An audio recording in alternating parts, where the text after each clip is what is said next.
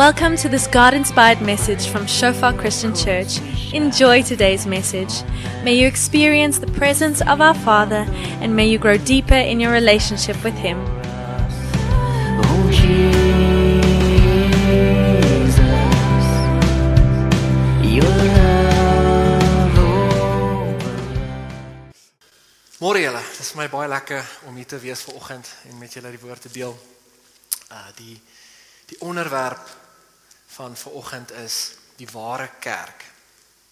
Nou ons gaan 'n bietjie ratte wissel vanoggend. Ons het nou 'n hele preekreeks gehad wat praat oor die Bybel se Jesus. Wie is wie is die ware Jesus volgens skrif? En ons het gekyk na die evangelie en na die Heilige Gees. En nou gaan ons oor na die kerk. So veral aan die begin gaan ek bietjie met met teologiese definisies praat. So eh, ek ek ek hoop julle skakel in, is uh, let op, is is wakker. Uh, dit gaan bietjie intellektueel wees.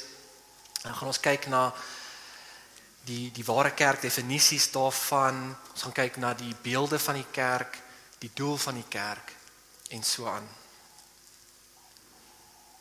So die vraag van vanoggend is wat is die ware kerk en wat is haar doel? So voordat ons inspring, kom ek bid vir ons. Here, dankie vir vandag. Dankie dat ons hier kan saam by mekaar kom as as gelowiges en ja, net tyd in die teenwoordigheid spandeer, Here. Ons ons loof U vir wie U is. Ons is afhanklik van U.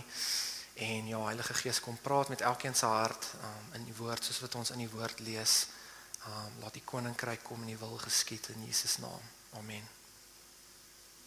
So die skriflesing van vandag gaan ons 'n hele paar skrifgedeeltes van Efesiërs lees. Nou Efesiërs is 'n brief wat deur Paulus geskryf is en dit handel onder andere oor die doktrine van die kerk. So as as jy meer van die kerk wil leer hoe die Bybel die die teologie van die kerk definieer en en mens leer, kan jy na Efesiërs en Kolossense kyk, die twee twee sustersbriewe om meer van die doktrine van die kerk te leer. En nou moet ek die vraag vra. As jy nou moet beskryf wat die kerk is, wat is dit? Hoe verstaan jy dit? Hoe sien jy dit? Is dit 'n gebou soos hierdie? Is dit 'n denominasie? Is dit net 'n plek waar 'n groep mense bymekaar kom om na 'n preek te luister? Wat interessant is is die konsep van 'n kerk is nie net aan die Nuwe Testament gebonde nie. Ons sien in die Ou Testament waar die Here die volk Israel bymekaar maak deur Moses die wet aan hulle gee. En die Ou Testament is in Hebreëus geskryf en later het die Griekse Jode die Ou Testament in Grieks vertaal en daai Griekse woord wat beskryf om die volk Israel bymekaar te maak stem baie ooreen met die Griekse woord wat in die Nuwe Testament gebruik word vir kerk. En wat belangrik is om te besef hoe ons die kerk verstaan, hoe ons dit sien, hoe ons sy doel verstaan, beïnvloed hoe ons ons eie individuele rol en funksie binne die kerk verstaan. So in kort kom Christus in die Nuwe Testament en die kerk word nou gedefinieer as hierdie gemeenskap van Christene, mense wat in Jesus glo. So kom ons kyk net nou spesifiek as kerk as 'n definisie van die volk van God wat bymekaar kom, die gelowiges in Christus wat Christus wat bymekaar kom, die gemeenskap van Christus. Kom ons kyk bietjie net wat is die definisie van 'n Christen. So Chris Peppler definieer 'n Christen as volg. 'n Christen is one who repents, exercises faith in Jesus for salvation and confesses the lordship of Christ through testimony and by living according to his example and teaching. Kerk se waar Christene bymekaar kom, gemeenskap van Christene.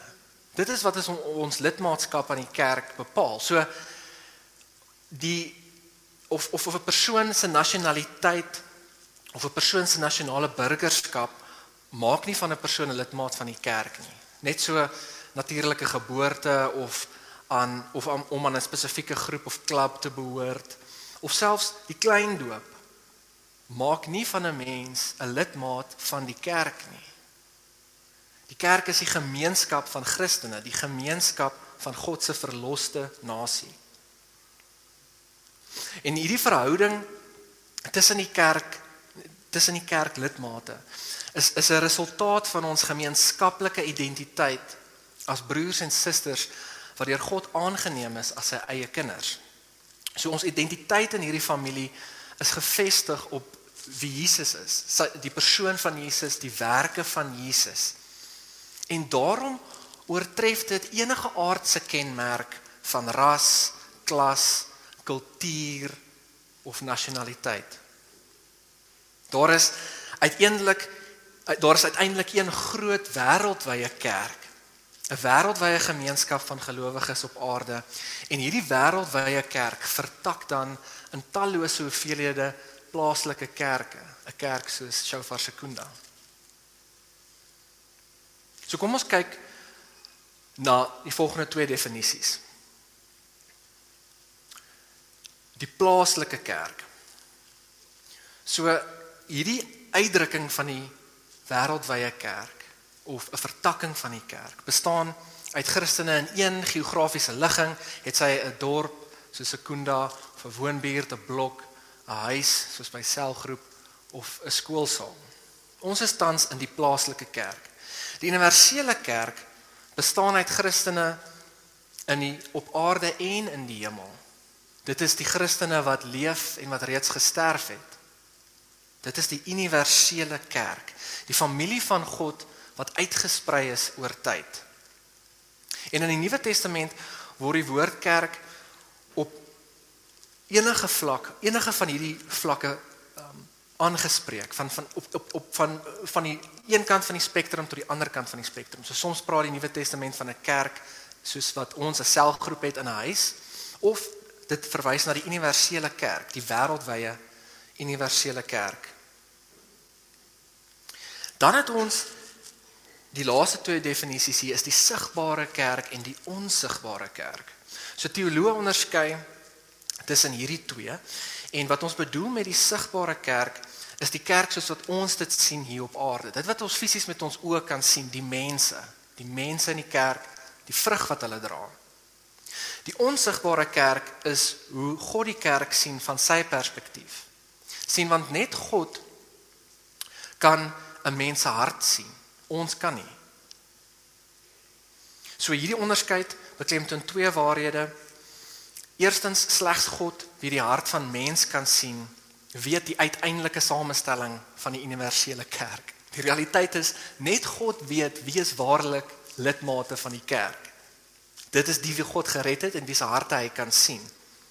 Tweedens, daar is mense binne die sigbare kerk, die kerk wat ons sien.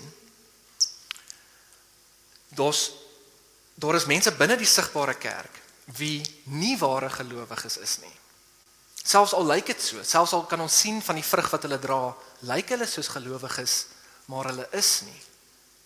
Hulle vorm deel van die sigbare kerk. Hoe ons dit sien en tog is hulle nie werklik deel daarvan nie. So my punt met hierdie definisie van sigbare kerk is dat om kerk toe te gaan as 'n as 'n as 'n individu om kerk toe te gaan beteken nie noodwendig dat mens gered is nie. Mense kan kerk toe gaan vir verskeie redes, uit gewoonte, uit tradisie, uit kultuur, uit skuldgevoelens of om jou gewete te sis. Jy is nie gered nie.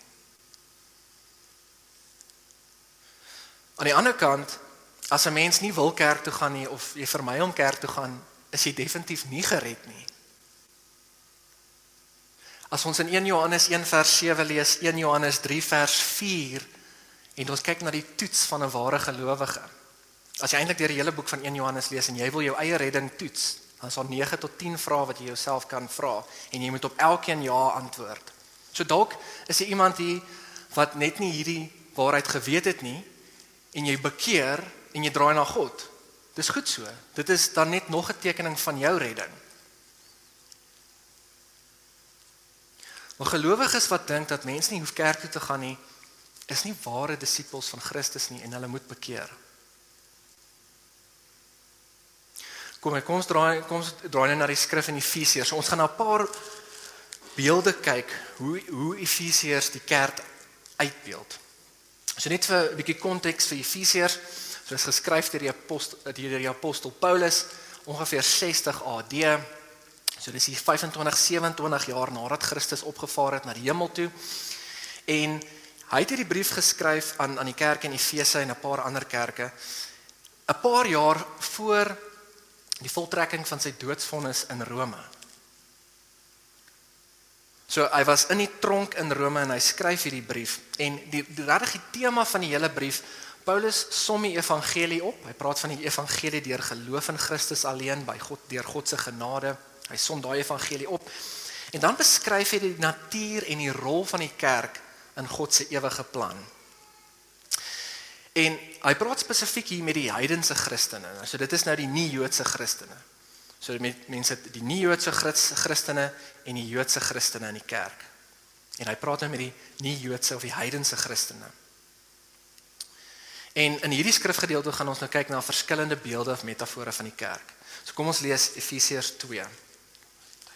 OK, konteks. OK, so kom ons kyk dit gou hierso, vers 11. Efesiërs 2 vers 11. Hou dan in gedagte wat julle vroeër was. Van geboorte was julle heidene en julle is onbesnedenis genoem deur die wat hulself die besnedenis noem. Al is die besnydenis net mensewerk aan die liggaam. In die tyd was julle sonder Christus uitgesluit uit die burgerskap van Israel, ver van God af sonder deel aan die verbonde en die beloftes wat daarmee saamhang, sonder hoop en sonder God in die wêreld. Maar nou is julle een met Christus Jesus. Julle wat vroeër ver van God gelewe het, het nou naby gekom deur die bloed van Christus.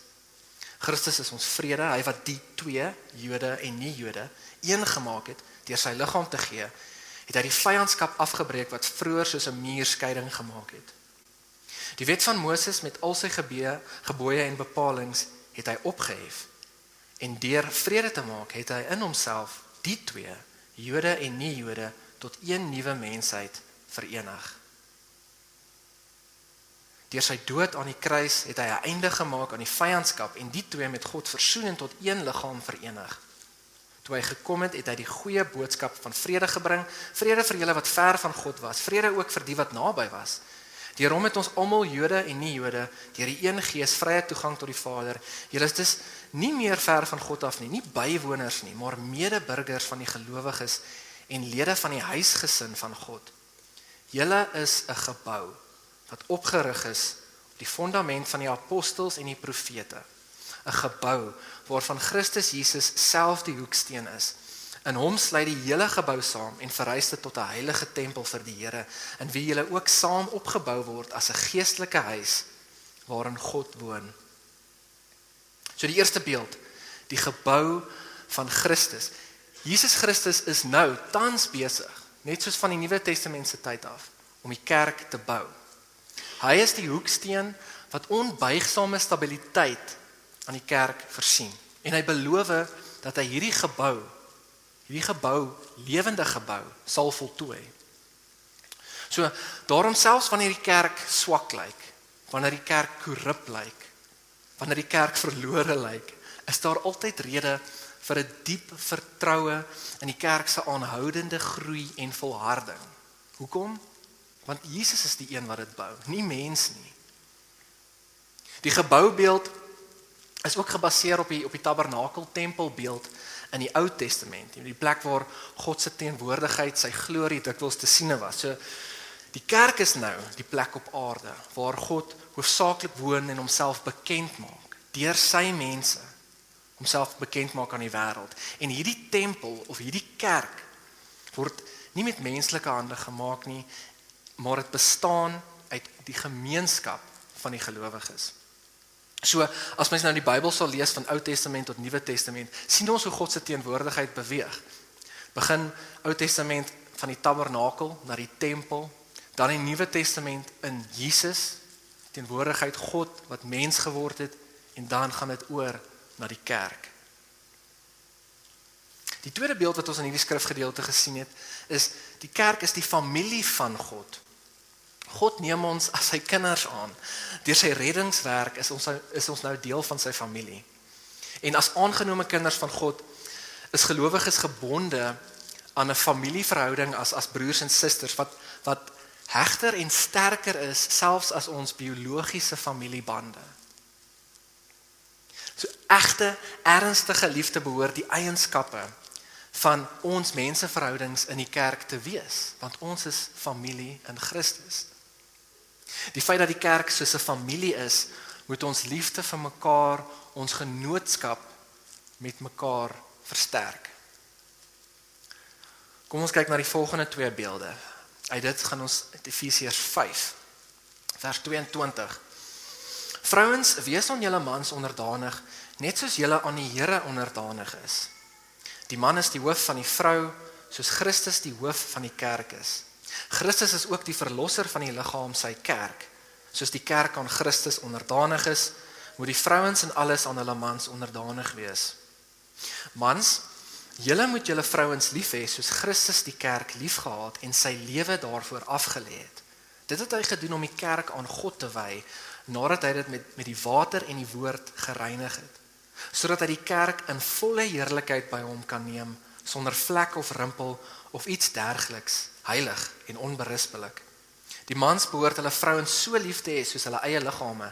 Wie sy vrou liefhet het homself lief want niemand het nog ooit sy eie liggaam gehaat nie inteendeel hy voed en versorg dit soos Christus met sy kerk doen omdat dit sy liggaam is waarvan ons lede is So die eerste beeld wat ons in hierdie skrifgedeelte sien is die liggaam van Christus. Christus is die hoof van die liggaam, hy is die hoof van die kerk. Hy het gesag oor ons sy mense. Hy bepaal ons rigting, ons bestemming. Hy is in beheer.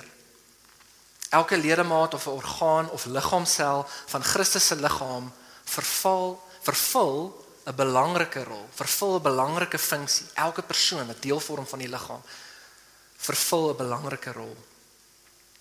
So die beeld van die kerk as as as die liggaam van Christus beklemtoon dat die kerk die kanaal is van Christus se werke hier op aarde. Net soos toe Christus op aarde was, het hy fisies by mense het hy vir hulle die waarheid geleer, het hulle evangelie verkondig, het mense genees, het demone uitgedryf. Nou vervul die kerk daai rol as die kanaal waardeur daardie bediening plaasvind. Die beeld van die kerk as die liggaam beklemtoon ook ons afhanklikheid van Christus. Ons is afhanklik van hom en dan ook ons is afhanklik van mekaar. Die kerk het mense nodig. Ons kan nie dit op ons eie doen nie. Is dit moontlik vir 'n ledemaat, 'n orgaan, 'n liggaamsel om buite die liggaam te oorleef? Nee. Hierdie beeld van die kerk as die liggaam van Christus moet ons afhanklikheid van Christus, ons afhanklikheid van mekaar uitlig. Dit moet ook ons waardering vermeerder, die waardering vir die diversiteit van gawes wat ons het in die liggaam van elke persoon. Die laaste beeld, die bruid van Christus. Jesus red en reinig sy mense deur sy opoffering op die kruis en Dit dien as hierdie modelverhouding tussen 'n man en sy vrou. Verhouding tussen Christus en sy bruid, die kerk. As die bruid van Christus moet die kerk streef, moet ons streef na onverdunde toewyding aan God. Onverdunde toewyding aan Jesus, wie 'n jaloerse man is vir sy bruid. Die beeld van die bruid van Jesus moet ons aanspoor tot 'n toename in reinheid, 'n toename in heiligheid, 'n toenemende liefde vir Jesus, 'n toenemende onderdanigheid aan Jesus. Om Jesus lief te hê is om sy kerk lief te hê. Christus het sy eie bloed gestort om die kerk te skep. Hy het sy eie lewe neergelê vir die kerk. En die kerk is God se primêre kanaal van sy genade, sy bediening, sy glorie aan die res van die wêreld. So betekenisvolle betrokkenheid by die plaaslike kerk is nie opsioneel nie. Jy's of in die liggaam of jy is nie. Dit is die die kerk is die noodsaaklike konteks waarin gelowiges bedoel is om Jesus te vind, om Jesus lief te hê en om in Jesus te groei. Hoe loop die tyd? Okay. Eienskappe van die kerk, van die ware kerk. Nou hierdie een, ek het nou daar's 'n lys daar op die bord um, wat wat aandui die die eienskappe van 'n ware kerk. Soos wat ons as gelowiges nou die sigbare kerk waarneem, sê nou maar jy is nou by 'n plaaslike kerk, jy het nou na 'n dorp toe getrek en jy wil by 'n kerk aansluit en jy wil nou eers toets wat by die kerk aangaan, dan is hierdie die eienskappe waarna jy kyk. So as ek sê die ware kerk bedoel ek ook nie die volmaakte kerk nie. Daar's nie een plaaslike kerk op aarde wat perfek is nie, wat volmaak is nie. Hoekom? Want ons almal is sondaars. Maar daar is ware en vals kerke. OK, die eerste kriteria is die kerk of die plaaslike kerk leer egte Bybelse doktrines. So dis doktrines die die die kerndoktrines van van van sonde, van redding, van Jesus dat hy God en mens is, van die drie eenigheid van God. Dit is voorbeelde van kerndoktrines waaroor nie van die skrif afgewyk mag word nie. Natuurlik is daar doktrines waarin sekere kerke verskil, maar wat nog steeds die kerke deel maak van die universele kerk. So wat ek bedoel daarmee, mens kan in die in die skrif kan jy sekere doktrines wat die skrif leer sien as kern, soos sonde, redding, Jesus, die drie eenigheid. En ander doktrines kan jy sien as sekondêr, soos die doktrine van die mens dat die mens net uit 'n liggaam en 'n gees bestaan of dat die mens uit 'n liggaam, siel en gees bestaan. So daar is twee verskillende doktrines wat ons nie noodwendig oor kan saamstem nie. Dis nie 'n kerndoktrine nie en dit keer my nie om in eenheid met jou te werk in die bediening van die kerk en die wêreld nie. Ander voorbeeld is uh die doktrine um die doktrine van die doop. As as as as die doktrine van die doop is van 'n kerk dat jy gered word deur doop of dat jy gered word deur nagmaal, dan het ons 'n probleem. Dan affekteer dit direk die doktrine van redding. Ek stem nie met jou saam nie, jy is 'n vals kerk. As jou doktrine van die doop is dat die doop, ons praat nou spesifiek hier van die klein doop, dat die klein doop die die kind soos initieer in die kerkgemeente in. Maar dit beïnvloed glad nie die doktrine van redding nie. Die kind is nie gered nie. Die doop red nie die kind nie, maar die kind word gedoop, dan het ek nie 'n probleem daarmee nie. Dit is nog steeds dit affekteer nie die kerndoktrine van van redding nie, maar ons verskil daaroor. Ek stem nie saam in die klein doop nie, maar ons kan met mekaar werk. Saam met mekaar werk. So dan kyk mens volgende kyk mens na die lidmate, dra die lidmate vrugte. So jy kyk na die goeie vrugte van die Gees, het die lidmate Jesus lief, het hulle mekaar lief. Wat se vrug is daar in die, in die mense se lewens? Kyk, jy kyk na die pastoor, die ouderlinge, die selgroepleiers, die lidmate wat nou 'n lang tyd in die kerk is. Hoe leef hulle hulle geloof uit in die kerk, by die huis, by die werk? Bekeer hulle gou, bekeer hulle dikwels, vergewe hulle gou. Dan kyk mens na die sakramente wat reg gebruik word. So hierso het ek nou klaar aangeraak. So die twee sakramente is die nagmaal wat ons later gaan vier en die doop. Die sakramente word dit reg gebruik. Of word dit gesien as 'n manier hoe mens gered word? Dan kyk mens na die aanbidding, God in gees in om om God in gees en in waarheid te aanbid. Gebed is belangrik, uitreike is belangrik. Nou hierdie is nie 'n 'n volledige lys nie, mense kan nog goeders hier byvoeg, maar hierdie sal ek sê is die hoofkriteria om 'n kerk te evalueer of dit 'n ware of 'n vals kerk is. OK, nou draai ons na die die drie doele van die kerk. So vir dit gaan ons weer terug na Efesiërs 5 vanaf vers 15.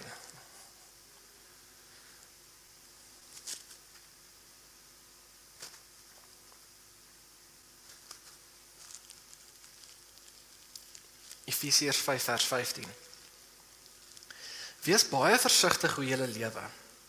Nie soos onverstandige mense nie, maar soos verstandiges. Maak die beste gebruik van elke geleentheid, want ons lewe in 'n goddelose tyd. Moet daarom nie onverstandig optree nie, maar probeer te weet te kom wat die Here wil dat jy moet doen. Moet jy nie aan drank te buite gaan nie, daarmee gaan losbandigheid gepaard. Nee, laat die Gees julle vervul en sing onder mekaar psalms, lofgesange en ander geestelike liedere. Sing met julle hele hart tot eer van die Here. Dank God die Vader altyd oor alles in die naam van ons Here Jesus Christus. Wees uit eerbied vir Christus aan mekaar onderdanig. So die eerste doel. Eerste doel van die kerk is om God te bedien. Die kerk is geskep om om Jesus om God bo almal en alles te verheerlik. Hy is die hoof, hy is die redder, hy is die Here en die koning van die kerk. En dit vorm deel van die kerk se interne doel. So hoe bedien ons die Here? Wat wat wat bedoel ek prakties met hoe bedien ons die Here? Ons sien dit vanoggend wat ons gedoen het. Ons sing lof lofliedere. Ons aanbid God. Ons ons loof hom, ons prys hom. Daar's dalk iemand wat opkom en 'n getuienis lewer. Iemand wat kom en bid. Ons lê hande op. Ons bid vir iemand. Ons bid vir genesing, ons bid vir die inseëning van 'n kind. Dit kan gebeur wanneer mense opkom om die gawes van die Gees te deel, 'n woord van bemoediging, 'n woord van kennis. Al hierdie vorm deel om God te bedien. En dit kan ook ons ons kan dit ook by ons selgroepe doen. Dit is hoekom ons selgroepe net soos ons dienste op Sondag is kerk. Dit is waar ons God bedien. Hy is die fokus van ons byeenkoms. Kom ons kyk na die ander doele. Efesiërs 4 vers 11. En dit is die gawes wat hy gegee het. Apostels, profete, evangeliste en herders en leraars. Sy doel daarmee was om die gelowiges toe te rus vir hulle diens en vir die opbou van die liggaam van Christus. So sal ons uiteindelik almal kom tot die werklike eenheid in ons geloof en in ons kennis van die seun van God dan sal ons sy kerk soos 'n volgroeide mens wees, so volmaak en volwasse soos Christus. Dan sal ons nie meer kinders wees nie. Ons sal nie meer soos golwe op en af en heen en weer geslinger word deur elke wind van dwaalleer as vals leraars ons met hulle slinksheid en listigheid op dwaalweë wil wegvoer nie. Nee, ons sal in liefde by die waarheid bly en so in alle opsigte groei na Christus toe. Hy is immers die hoof en uit hom groei die hele liggaam. Die verskillende liggaamsdele pas by mekaar en vorm saam 'n eenheid. Elkeen van hulle vervul sy funksie en so bou die liggaam homself op in liefde. So die tweede doel van die kerk is om gelowiges te bedien. Die plaaslike kerk het twee interne doele. Eerste interne doel wat ons hier doen is om God te bedien. Tweede interne doel is om gelowiges te bedien. En die derde doel wat hier geskryf is, dit is nou nie spesifiek uitgelig in in in die skrifgedeelte wat ons nou gelees het nie, maar dit is nogtans 'n doel van die kerk is om dan die wêreld te bedien. En dit vorm deel van ons eksterne doel. So ons het twee interne doele, bedien God, bedien gelowiges, dan een eksterne doel, bedien die wêreld. Die kerk se doel is drievoudig. So ons bedien God deur aanbidding. Ons bedien gelowiges deurdat ons mekaar opbou. Ons mekaar skrif leer. Ons mekaar opbou in liefde en dan bedien ons die wêreld deur evangelisme om die evangelie te versprei. En al hierdie drie doele is belangrik en moet gebalanseer word. Mens kan nie een afskeep nie of jou kerk is lendelang. Elkeen elke persoon kan by een of meer van hierdie doele aansluit. As ons soos ek aan die begin gesê het, as ons weet wat die doel is van die kerk, dan weet ons wat ons rol en funksie in die kerk moet wees. So byvoorbeeld om God te bedien verwys nou spesifiek aan die aktiwiteite wat ons hier het op Sondag, om die stoele uit te pak, om die klanktoerusting uit te pak, die mediatafel, die konnekteertafel, die verwelkomingsspan, die kinderkerk, die kleuterarea, die die musiek, die die, die band, die um koffiespan. Dit is hoe ons inskakel om God te bedien. En hoe hoe skakel ons in om gelowiges te bedien? Dit is waar die selgroep inkom. om gelowiges te bedien kan so eenvoudig wees soos om nie net by selgroep op te daag nie, maar deel te neem in die gesprek, om vrae te vra, om wysheid te deel, om getuienis te lewer, om jou selleier te ondersteun. Dalk ou mens sel bietjie dalk dalk dalk um, vat jy 'n beurt om 'n gasheer te wees om sel by jou huis te hou. Dalk bring jy peselhappies. So bou ons die kerk, die liggaam op. Ons kan om gelowiges te bedien. Nog voorbeelde is om mense in die kerk te ondersteun met kos, met klere, met finansies. Mekaar in liefde te ondersteun, op te bou. Dis hoe ons gelowiges bedien. Die weduwee, die weeskind. Dan om die wêreld te bedien is so maklik soos om iemand kerk toe te nooi. Iemand selgroep te nooi. Getuienis te deel met 'n ongelowige. Dis hoe ons die wêreld bedien. En Jesus het die voorbeeld gestel en elke een van hierdie drie doele het Jesus die voorbeeld vir ons kom stel. Ons sien dit in sy intieme verhouding met die Vader. Ons ver, ons sien daai tye waar Jesus uitgegaan het en gaan bid het. Ure en ure spandeer het in, in met die Vader in gebed en net daai intieme verhouding wat hy met die Vader gehad het.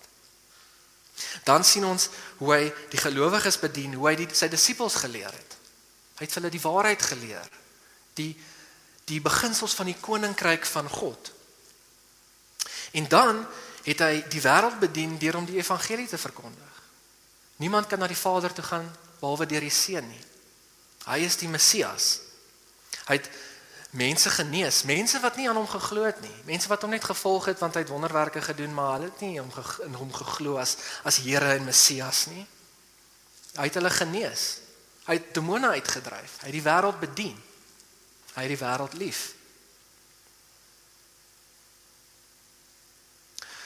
So wat maak ons nou van van al hierdie?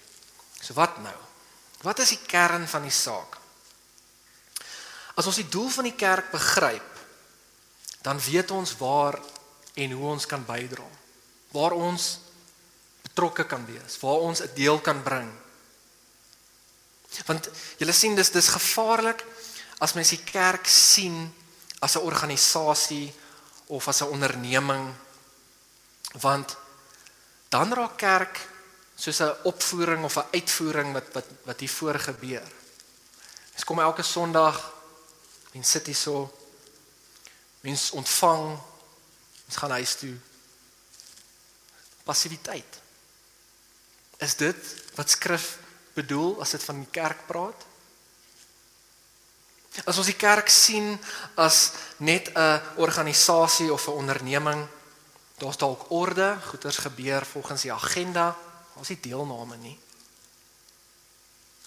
Die mense word geleer van die kansel, maar ons word nie toegerus deur ons eie ervarings nie. Ons pas nie toe dit wat ons leer nie.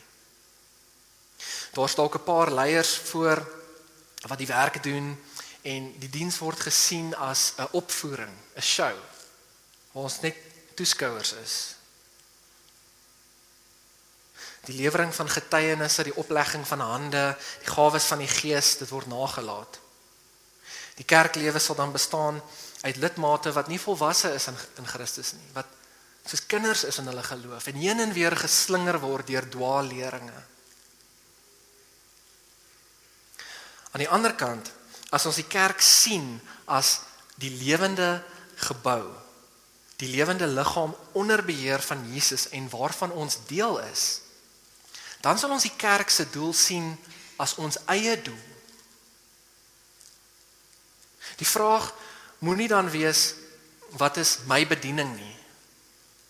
Dis te eenvoudig. Die vraag moet eerder wees hoe kan ek die gawes gebruik wat God my gegee het om sy naam te verheerlik en om die kerk op te bou en om die wêreld te bedien.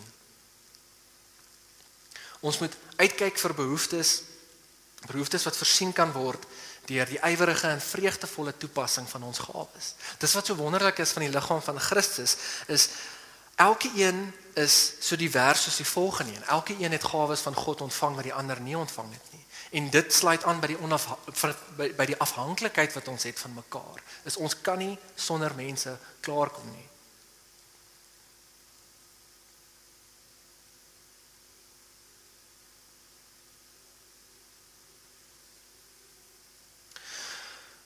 Kom ek sluit vir ons af deur deur die nagmaal te vier. Jy's een van die sakramente wat aandui of of 'n kerk waar is of vals is. Ek gaan geleentheid gee vir die elemente om uitgedeel te word. En dan terwyl die elemente uitgedeel word, gaan ek net ook bietjie deur die doktrine van nagmaal gaan. Dat ons almal net weer besef wat aangaan. So Jesus Christus het die nagmaal ingestel. Ons sien Matteus 26, Markus 14, Lukas 22. En hy het dit ingestel vir sy kerk in genootskap ter nagedagtenis van sy dood, sodat ons kan herinner word aan die prys wat Jesus betaal het. So die gebruik van die brood en die wyn dien as 'n illustrasie van die evangelie. En dit herinner ons aan die verlossing en die opoffering van Christus. So dit simboli dit simboliseer ons geestelike koneksie met Christus, ons afhanklikheid van hom, ons koneksie met mekaar. As medebroers en susters in Jesus. En daar's ook 'n daar's daar's 'n verlede, 'n hede en 'n toekomstige element aan die nagmaal. So in die hede gedurende nagmaal geniet ons genootskap met Jesus en ander gelowiges. Dan word ons herinner aan sy dood 2000 jaar terug in die verlede. So dis die hede en die verlede. En dan kyk ons vorentoe. Die toekomstige konsep uh, of die toekomstige um komponent van van nagmaal. Ons kyk vorentoe na die toekoms, na die belofte van Christus se wederkoms. Die nagmaal dit in itself red ons nie. Ons word nie deur die gebruik van die nagmaal gered nie. Nietemin het dit soos geweldige waarde. En elke gelowige moet die betekenis daarvan verstaan en in geloof daaraan deelneem. So dit is die doktrine van die nagmaal. So ek gaan nog tyd gee vir die wat nog nie elemente gekry het nie dat dit uitgedeel word. En intussen ek sal vir ons bid vir die vir die vir die brood en die sap en dan sal ek aan die einde vir ons afsluit in gebed. So terwyl hy elemente uitdeel kan ons net bietjie reflekteer en uh, in stilte net reflekteer wat wat uitgestaan het vir julle.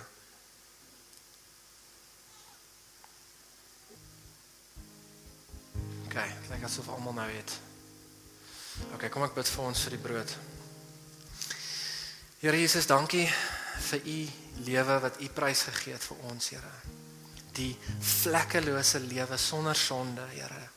Perfekte lewe en voorbeeld vir ons hier op aarde wat u kom prysgee het, kom opoffer het vir ons wat dit nie verdien nie, vir ons wat dit nie kon betaal nie, dat die prys van ons sonde net u kon dit doen. En u het dit gedoen uit u uit u wilheid en uit liefde uit, Here. Ons loof u daarvoor, Here, en ons word herinner aan die lewe, die perfekte vlekkelose lewe wat u prys gegee het vir ons. Dankie, Here.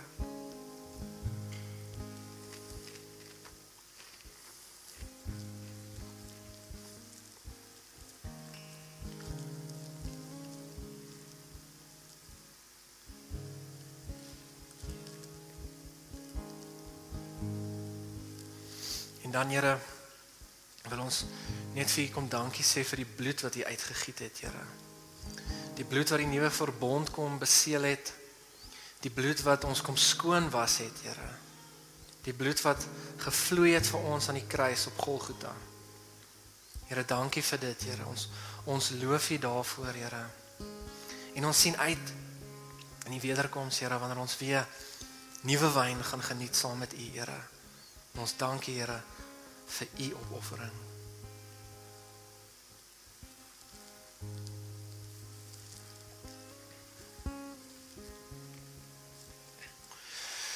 Ja, Here, dankie net vir u genade, Here, u liefde, die feit dat u u bloed gestort het vir die kerk, vir u mense, vir u volk, die volk wat u bymekaar gemaak het deur die eeue heen, die millenniums.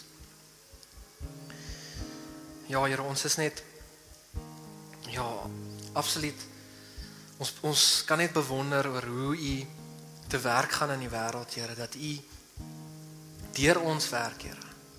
Ons wat onvolmaak is, wat nie perfek is nie, sondaars, Here. En u bou ons op, Here. U bou die lewendige gebou, Here. U is in beheer. Ons kan net in u vertrou. Maak nie saak wat in die wêreld om ons aangaan nie. As ons kyk na wat in die wêreld gebeur en ons sien en ons vra waar is die kerk in dit? Kan ons weet Here, U is in beheer. U is die hoof, Here Jesus. U is die koning, die Here van die kerk. U bou. Dankie Here vir elke persoon wat hier is, Here. Elke persoon wat U ken. Elke persoon, U ken elke persoon, Here, en U het hulle geskape. U het ons gemaak, Here. Ons ons loof U vir vir U wonderwerke.